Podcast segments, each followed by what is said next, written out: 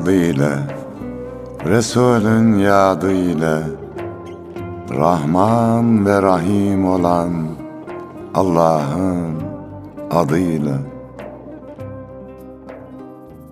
Gönlü muhabbete yurt olanlara Düşmanına bile mert olanlara Fakat öz nefsine sert olanlara Ta canı gönülden tazele selam Sevgiye, dostluğa, güzele selam. Halil İbrahimce aç yüreğini Yunus ol cömertçe saç yüreğini. Hakkı bilmiyorsa geç yüreğini. Yarından bugüne ezele selam. Sevgiye, dostluğa, güzele selam. Merhamet çiçeği dallar aşkına Kutlu ize hayran çöller aşkına Şefaat kokulu güller aşkına. Sevgimize olsun vesile selam. Güzeller güzeli Resul'e selam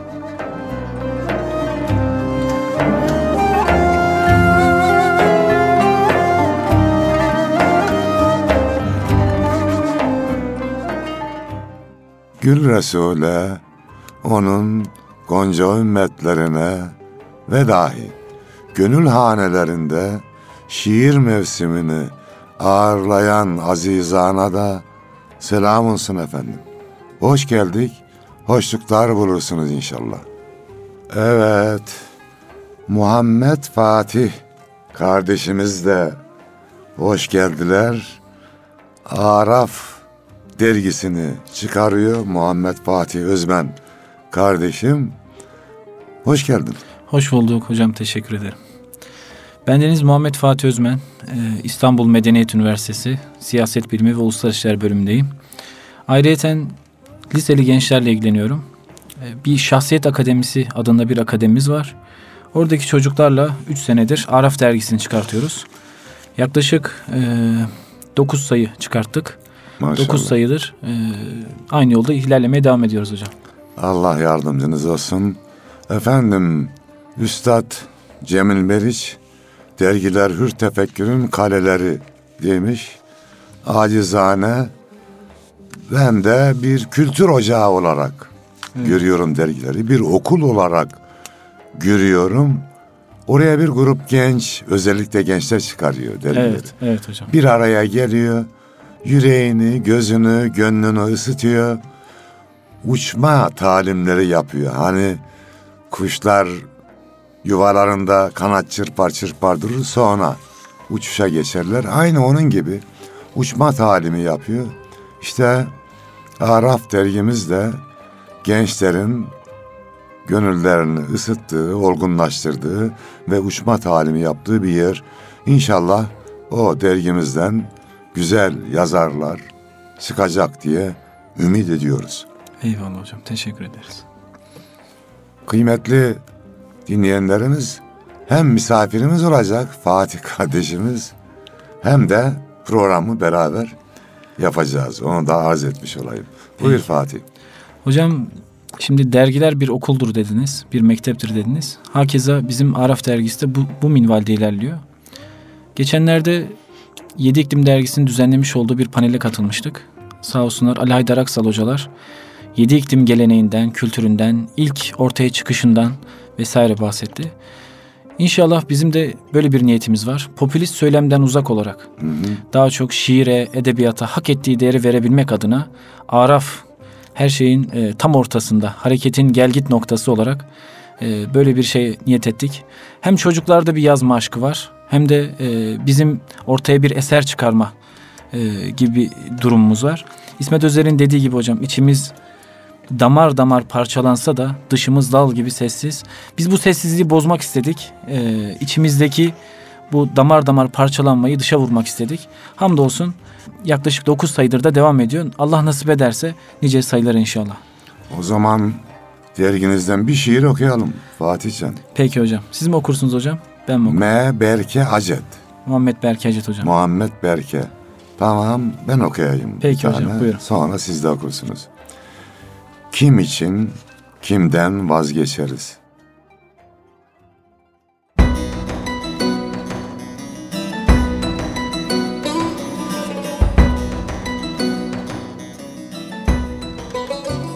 Damar damar üstüne biner.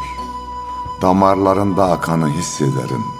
Sorsalar, susuz çöllerinde kandan ırmaklar çağlayan, körpecik çocukların kimsesizleştiği ve kimsesiz çocukların vurulduğu bir dünya isterim. Çünkü biz ne istediysek, hangi dilek pay ettiysek düşlerimizde, hangi dala bel bağlarsa umutlarımız tam aksi olması gerek diyorum. Karsız bir kıştandır belki de yalın ayak olduğum. Ayaklarımız toprağa değsin diye mezarlar çiğneriz. Kışları karsız, binaları serpilmiş bu şehirde yürüdükçe biz sizler düşünür, gençler tutuşur. Kim için, kimden vazgeçeriz? Rabbimiz onsuzluğun dibidir. Can eksek, kan biten bir toprak, sonsuzluğun gibi bir ecnebi ukdedir içimizde yaşamak.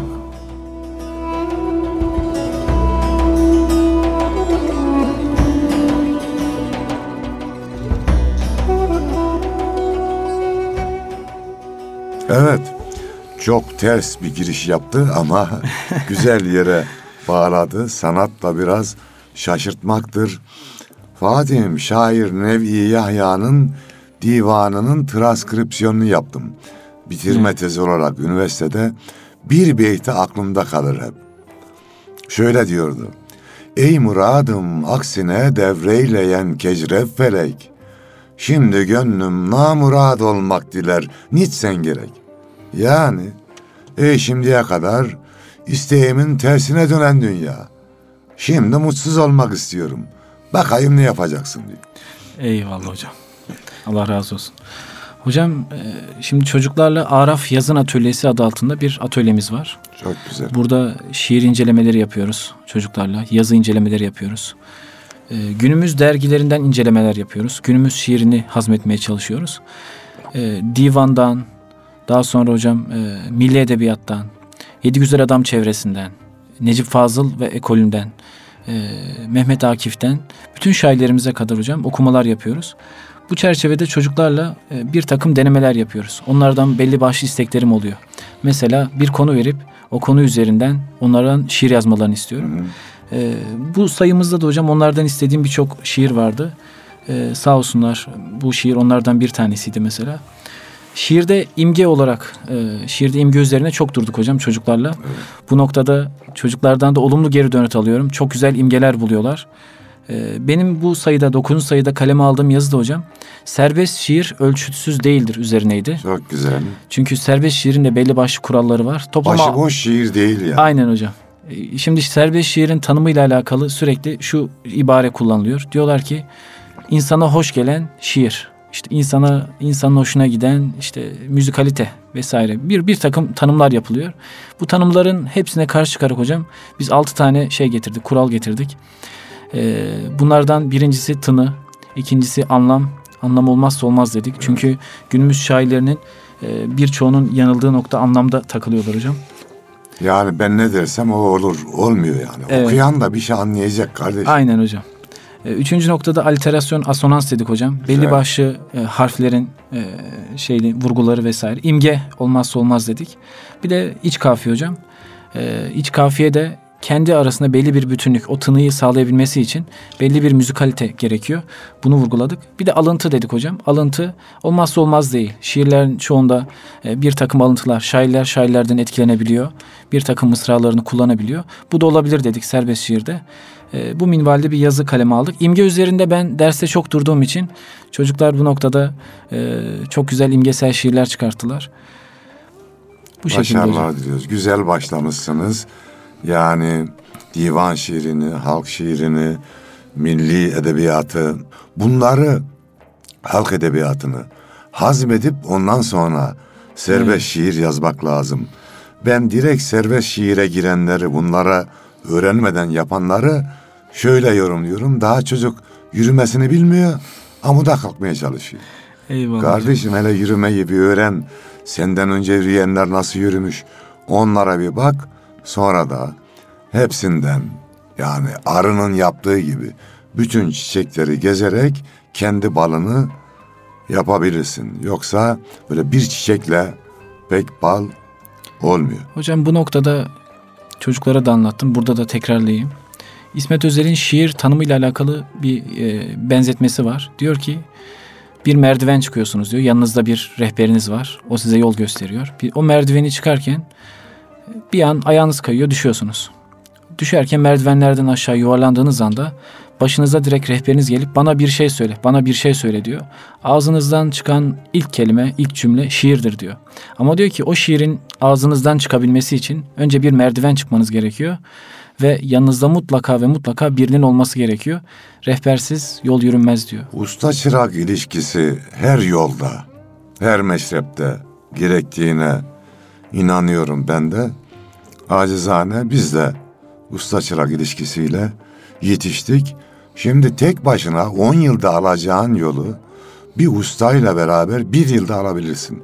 Evet. Eğer kabiliyetin var ise bu bakımdan da güzel bir çalışma olur. Şimdi yine dergiden, derginizden bir şiir daha dinleyelim Fatih.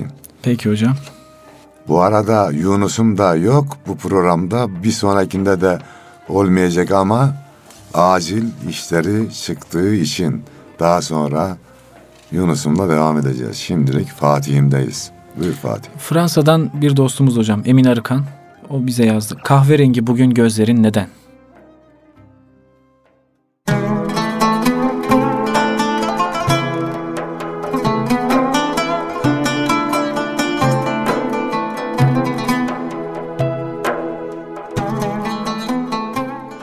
Yüreğinin sağrısında biriktirdiklerini sümen altında yalın bir acıyı emziriyor gibi çoğaltan kadın. Sana benzemek kadar sana benziyordu. Yüzünde telaş, daha çok yenilmişlik. Dudaklarında rivayet geçmiş zaman bir tebessüm. İsmini söylediği her şey gibi aslında, bilindik. Güneş yanığı, rüzgar değmesine benzer bir yaşanmışlık. Kahverengi bugün gözlerin, neden? Gözlerinde her sabah su almaya giden kızlar yok. Eşiğine oturmuş çocuklar, kapıdaki dut ağacı. Yeni sağılmış süt gibi hayat. Sahi, güneşin sarısı, denizin mavisi, ben neredeyim?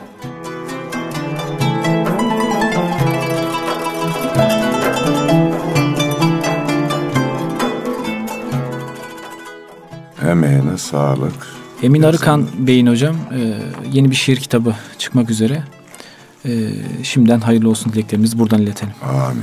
Cümle şairlere güzel şiirler, güzel kitaplar Yüce Mevla Hocam nasip de, eylesin. dergimizden çok fazla şiir okuduk. Bir de sizden bir şiir dinleyelim. Tamam, memnuniyetle. Şimdi geçen bir okuldan aradılar, il dışından, İzmir'den. Hocam sizin bir şiirinizi de okuyacağız. Siz de gelebilir misiniz dediler. O şiiri okuyayım. Hocam Ali Emre'nin çok güzel bir sözü var. Diyor ki daha doğrusu bir şiirinin e, bir kublesi bir kısmı. Ey Ali sana şiirden soruyorlar. De ki o asamızdır bizim. Zorbayı yıkar, dilimizi çözer, ejderhayı yutar, unutma. Güzel demiş. Evet hocam. Hikayesini de anlatayım Fatih'im. Programdan önceki sohbette şiirlerin hikayeleri de var hocam demiştin. Evet. Şimdi sanatçı avcı gibi olmalı. Bir diziye bakıyordum. Orada bir polis var. Komiser çocuğu ölmüş. Yine bir başkası çocuk resmi gösterince dedi ki ya herkesin çocuğu büyüyor. Benim çocuğum büyümüyor dedi. Çocuğun resmini çıkardı baktı. Tamam ben oradan alacağımı aldım. Dizeye bakmayı bıraktım zaten ondan sonra. Resimdeki çocukluğum.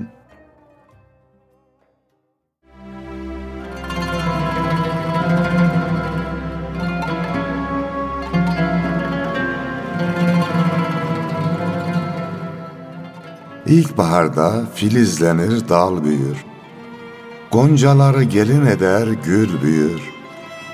İşimde incecik bir melal büyür. Resimdeki çocukluğum büyümez.'' Bayram sevinciyle süslenir bazen. Yorgun anılara yaslanır bazen. Uzaklardan annem seslenir bazen. İsimdeki çocukluğum büyümez.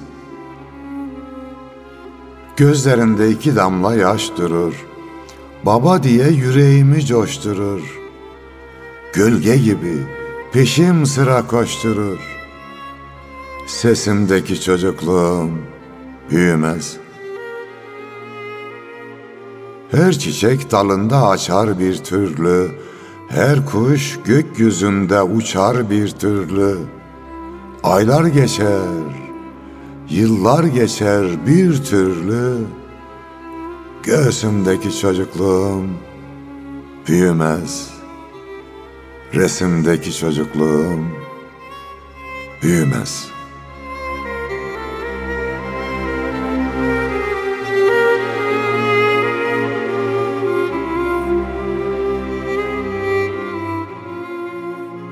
Ağzınıza sağlık hocam.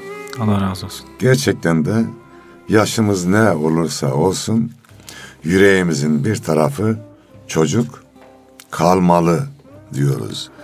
Yani yüreğimizin bir bölümü de şairane olmalı, şiirle dolmalı diyoruz. Hocam çocuklarla gene hep böyle yazın atölyesinden bahsettim. Hakkınızı helal edin. Yazın atölyesinde en çok e, işlediğim şairlerden bir tanesi e, Sezai Karakoç. Üstad Sezai Karakoç'un bütün şiirlerinin bir hikaye ürünü olduğunu düşünüyorum. Çünkü hepsinde bir hikayeyi anlatıyor. Ve Doğu'nun yedinci şairi, şey Doğu'nun yedinci oğlu diye geçiyor. Tanımlamalarda böyle bu şekilde geçiyor. Geçenlerde hocam masal şiiri, Doğu'nun yedinci oğlunun ibaresinin geçtiği şiiri bir inceleme fırsatım oldu. En ince ayrıntısına kadar inceledim ve e, hakkında birçok yorum okudum. Ben de bir yorum çıkardım üstüne. Dedim ki Doğu'nun yedinci oğlunu Sezai Karakoç kastederken aslında yedi oğlun da yedisi de Sezai Karakoç. Aslında kendi yaşamının bir şeyini anlatıyor. Safhalarını. Safhalarını anlatıyor. Birinci oğul işte batı kapılarında çok direniyor. İkinci oğuldan bahsediyor. Beşinci oğul bir şair ve yedinci oğul bir abide gibi batı kentinin, batı şehirlerinin en büyüklerinden bir tanesinde orada ikamet ediyor. Müsaadeniz olursa hocam ben Tabii masal şiirini sizlerle paylaşmak istiyorum. dinleyelim. Masal. da hayırlı ömürler dileyelim.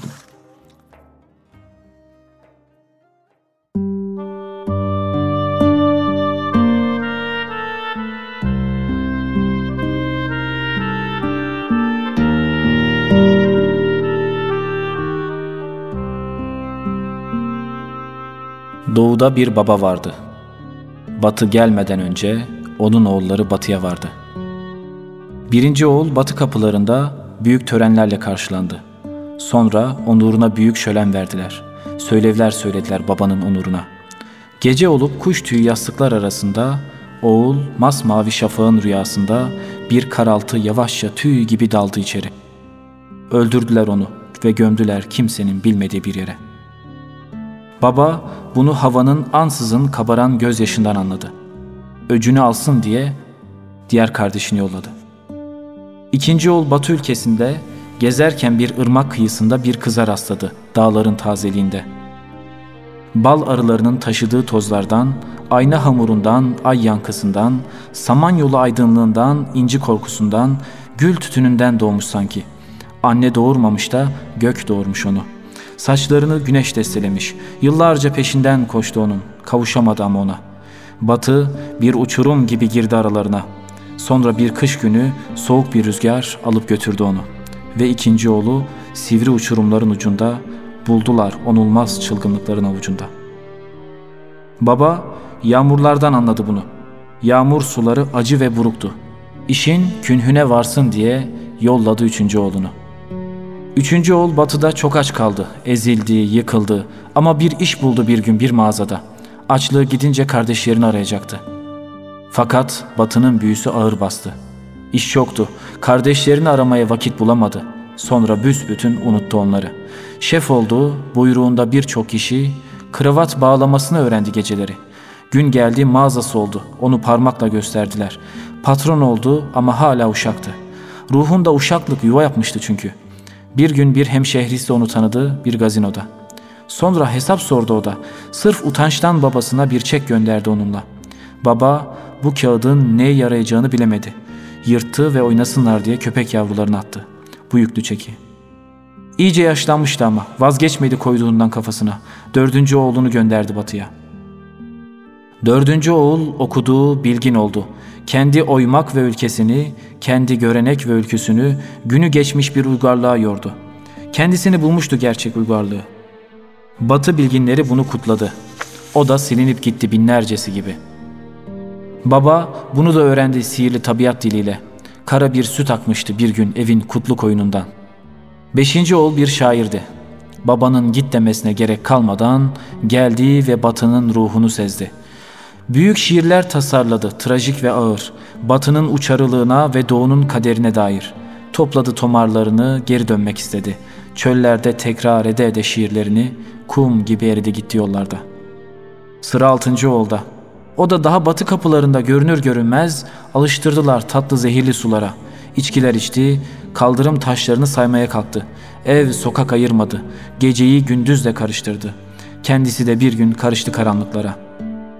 Baba ölmüştü acısından bu ara. Yedinci oğul büyümüştü baka baka ağaçlara.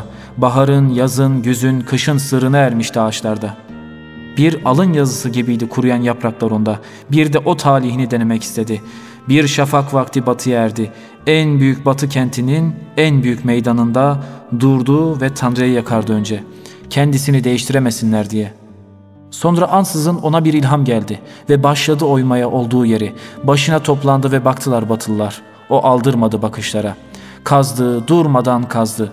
Sonra yarı beline kadar girdi çukura. Kalabalık büyümüş, çok büyümüştü. O zaman dönüp konuştu. Batılılar, bilmeden altı oğlunu yuttuğunuz bir babanın yedinci oğluyum ben. Gömülmek istiyorum buraya hiç değişmeden. Babam öldü acılarından kardeşlerimin. Ruhunu üzmek istemem babamın. Gömün beni değiştirmeden. Doğulu olarak ölmek istiyorum ben. Sizin bir tek ama büyük bir gücünüz var. Karşınızdakini değiştirmek. Beni öldürseniz de çıkmam buradan. Kemiklerim değişecek, toz ve toprak olacak belki. Fakat değişmeyecek ruhum. Onu kandırmak için boşuna dil döktüler. Açlıktan çıkar diye günlerce beklediler. O gün gün eridi fakat çıkmadı, dayandı.'' Bu acıdan yer yarıldı, gök yarıldı, o nurdan bir sütuna döndü, göğe uzandı. Batı bu sütünü ortadan kaldırmaktan aciz kaldı. Hala onu ziyaret ederler, şifa bulurlar. En onulmaz yarası olanlar, ta kalplerinden vurulmuş olanlar, yüreğinde insanlıktan bir iz taşıyanlar.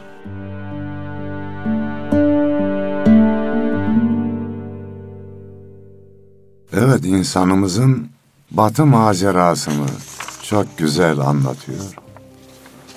Batı yüzünde sihirli maske olan bir varlık.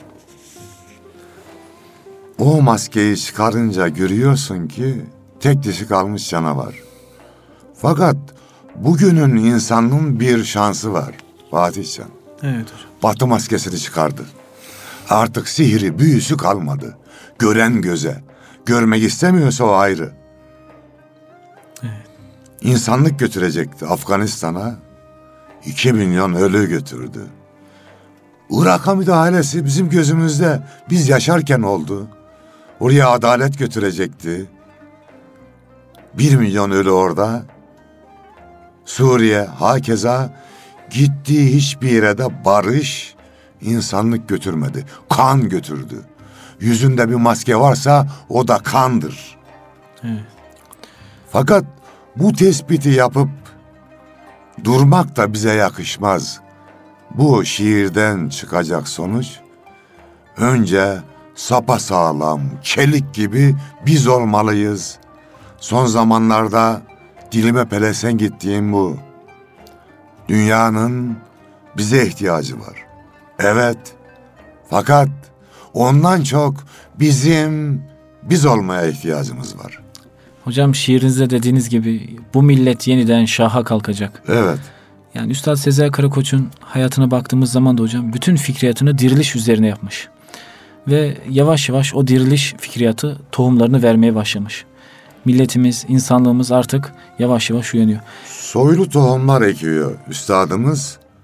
O bakımdan eserleri de, meyveleri de inşallah soylu olacak. O zaman üstada hürmeten biz de diril zamanı şiirimizi okuyalım mı? Peki hocam buyurun.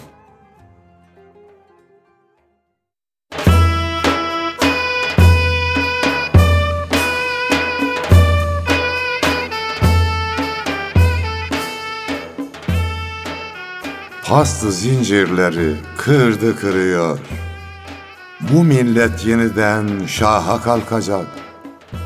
Göğsünde tarihin nabzı vuruyor. Bu millet yeniden şaha kalkacak. Dün Ergenekon'dan çıktığı gibi, köhnemiş Bizans'ı yıktığı gibi, üç kıtaya bayrak diktiği gibi, bu millet yeniden şaha kalkacak. Ümmetin kurtuluş gemisi olan, mazlum insanlığın hamisi olan, ümitle çırpınıp imanla dolan, bu millet yeniden şaha kalkacak. Düşmanlar nefretle dolup taşmasın. Hainler yanılıp haddi aşmasın. İşte söylüyorum kimse şaşmasın. Bu millet yeniden şaha kalkacak. Diriliş erleri girsin kol kola, bir dua ordusu dizilsin yola. Evveli, ahiri mübarek ola. Bu millet yeniden şaha kalkacak. İlahi yardımla bir zafer vakti, zamanın koynunda son sefer vakti. İnşallah geliyor o zafer vakti. Bu millet yeniden şaha kalkacak. Cümle eller bir Allah'a kalkacak.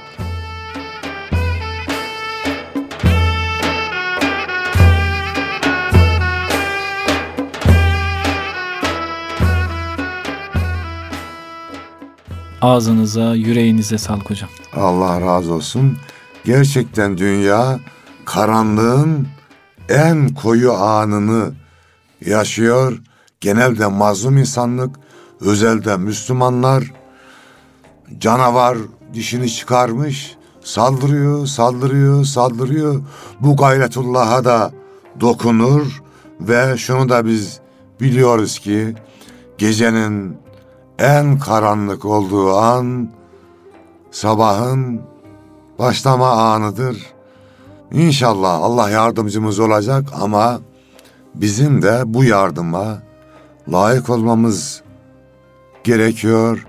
Birliğimizi, beraberliğimizi, dirliğimizi, düzenimizi muhafaza edeceğiz. Küçük hesaplar peşinde koşmayacağız. Vesselam. Hocam yanlış bilmiyorsam bu şiirinizi Tayyip Bey'de okumuştunuz. Evet Cumhurbaşkanımıza bir kitap fuarında okudum. O da şöyle her zamanki gibi elini göğsüne koydu. İnşallah dedi. Hatta bu şiirimiz bestelendi de TÜGVA müzik ekibi tarafından. Programın sonunda Mehmet abi o müziği de bize dinletsin efendim. Eyvallah hocam sağ olun. Hocam müsaadeniz olursa Üstad'ın, Üstad Sezai Karakoç'un bir balkon şiiri var. Evet. Bu balkon şiirinde biz batı eleştirisi diyebiliyoruz. Hazır bu konuda buradan girmişken. Fakat Fatih'im oraya girmeden aslında o masal şiirinde Hı hı. Batı'yı eleştiriyor, Evet, bizi de eleştiriyor ama. evet hocam. O giden Doğu'nun çocukları hep gidip kayboldular. Işıltılı dünyasında efendim iş dünyasına daldılar, güzellere kapıldılar. Bu biraz bizim de hatamız. Yani düşman düşmanlığını yapacak. Bizim bu oyuna gelmememiz gerekiyor. Yiğit olmamız gerekiyor. Bakın bir şeyle bizi daha kandırıyorlar. Fatih. Hep şöyle söz kullanıyor ya. Muasır medeniyet seviyesinin üzerine çıkacağız. Arkadaş ben edebiyat öğretmeniyim. O sözün iki kelime öncesini biliyorum. Orada deniyor ki milli kültürümüzü muasır medeniyet seviyesinin üzerine çıkacağız. Biz bu muasır medeniyet seviyesinin üzerine çıkacağız derken batıya hayran olduk. Doğrusu o değil. Milli kültürümüzü canlandıracağız kardeş. Biz bize yeteriz. Biz biz olalım. Elden gelen öğün olmaz. O da vaktinde bulunmaz. Ve batıdan şimdiye kadar kimseye zırnık kadar tarihi boyunca bir güzellik, bir değer gelmemiştir. 18 yaşına gelen çocuğuna evinden dışarı gönderen bir batı zihniyeti bir Müslümana sahip çıkar mı ya?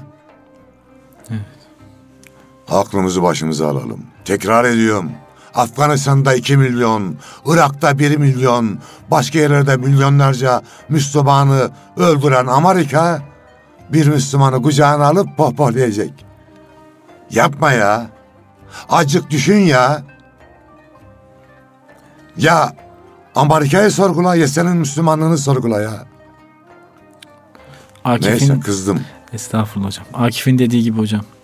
Medeniyet dediğin tek dişi kalmış Evet. yıllar. Bunlar da medeniyet diyerek Maske yırtılmasa hala bize afet doğuyuz, medeniyet denilen kahpe, hakikat yüzsüz diyor ve doğru söylüyor. hocam Ruanda katliamından yani Bosna Hersek'teki katliamı, Srebrenica katliamına kadar Hepsi hepsi. Libya'da Ömer Muhtar ve Libya halkına yapılan Ha, şu katliama an kadar. Mısır'da Evet. Sisi zulmediyor. Amerika desteğiyle ayakta duruyor. Olmaz böyle.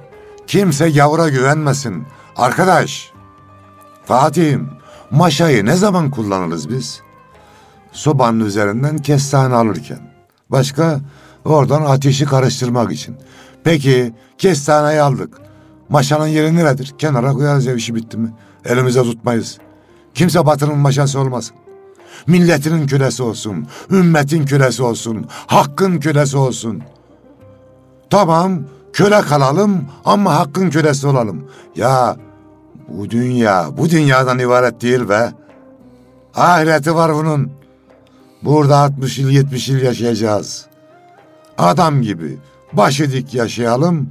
Cennette oranın sultanı olalım kardeşim. Fazla da dalmayalım bu şeye. Batıya neye? Allah Allah. Kelin tarağı olsa kendi başını kaşır ya. Çökmek üzere batı, çökmek üzere. Amerika'da, batıda çöküyor. Aha buradan ilan ediyorum. İyi takip edin. Çünkü yedi başlı ejderhanın başını kessen, bir devin başını kessen nasıl çırpınır, etrafı yakar yıkar. Aynı böyle şu an. Batı medeniyeti. Biteceğini, öleceğini anladı, yakıyor yıkıyor. Benim yaşamadığım yerde kimseye yaşatmam diyor. Tamam, sen planını yap Amerika. Allah'ın planı da var. Bizde de Allah yardım eder. Evet, balkon şiiriyle bitirelim. Hocam balkon şiirine geçmeden önce bir çözüm önerisi Tamam, Cahit buyurun. Zarifoğlu bir çözüm önerisi söylüyor. Diyor ki alnı secdeye inen insanların sesleri birbirine bağlanabilirse ancak o zaman sokaklar, meydanlar ardına kadar açılır. Ne batıya muhtaç oluruz ne de batıdan O gelenlere. zaman bu sözle bitirelim. Diğer programda balkon şiiriyle devam ederiz. Süremiz doldu. Çünkü merhum Akif de öyle diyordu. Tefrika girmeden bir millete düşman giremez. Toplu vurdukça yürekler onu top sindiremez. Yüce Mevla birliğimizi, beraberliğimizi daim eylesin.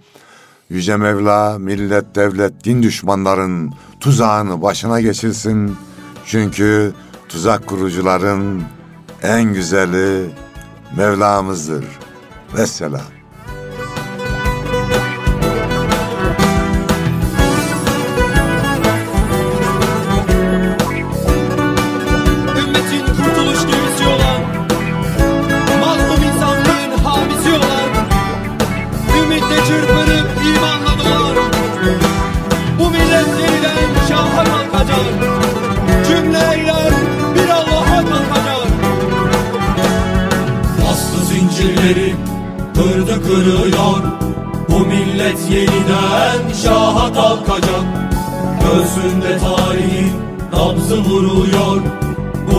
Millet yeniden şaha kalkacak.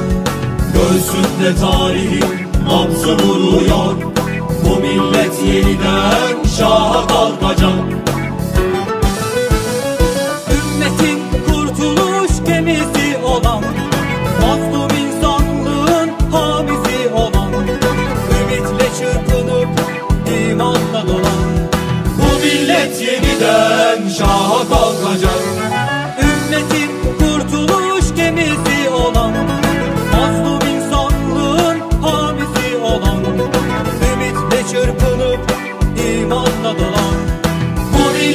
millet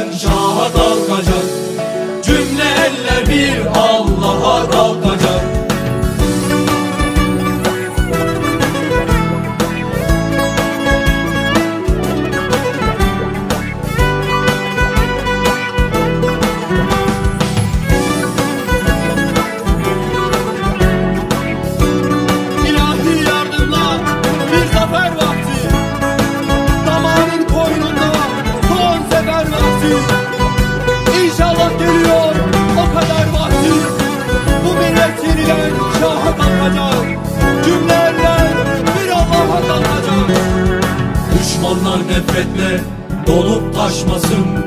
Hainler yanılıp haddi aşmasın.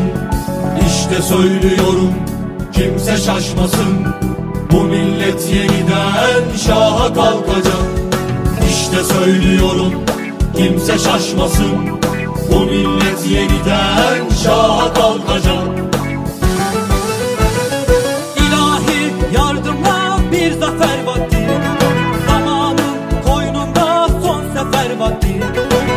İnşallah geliyor o zafer vakti. Bu millet yeniden şaha kalkacak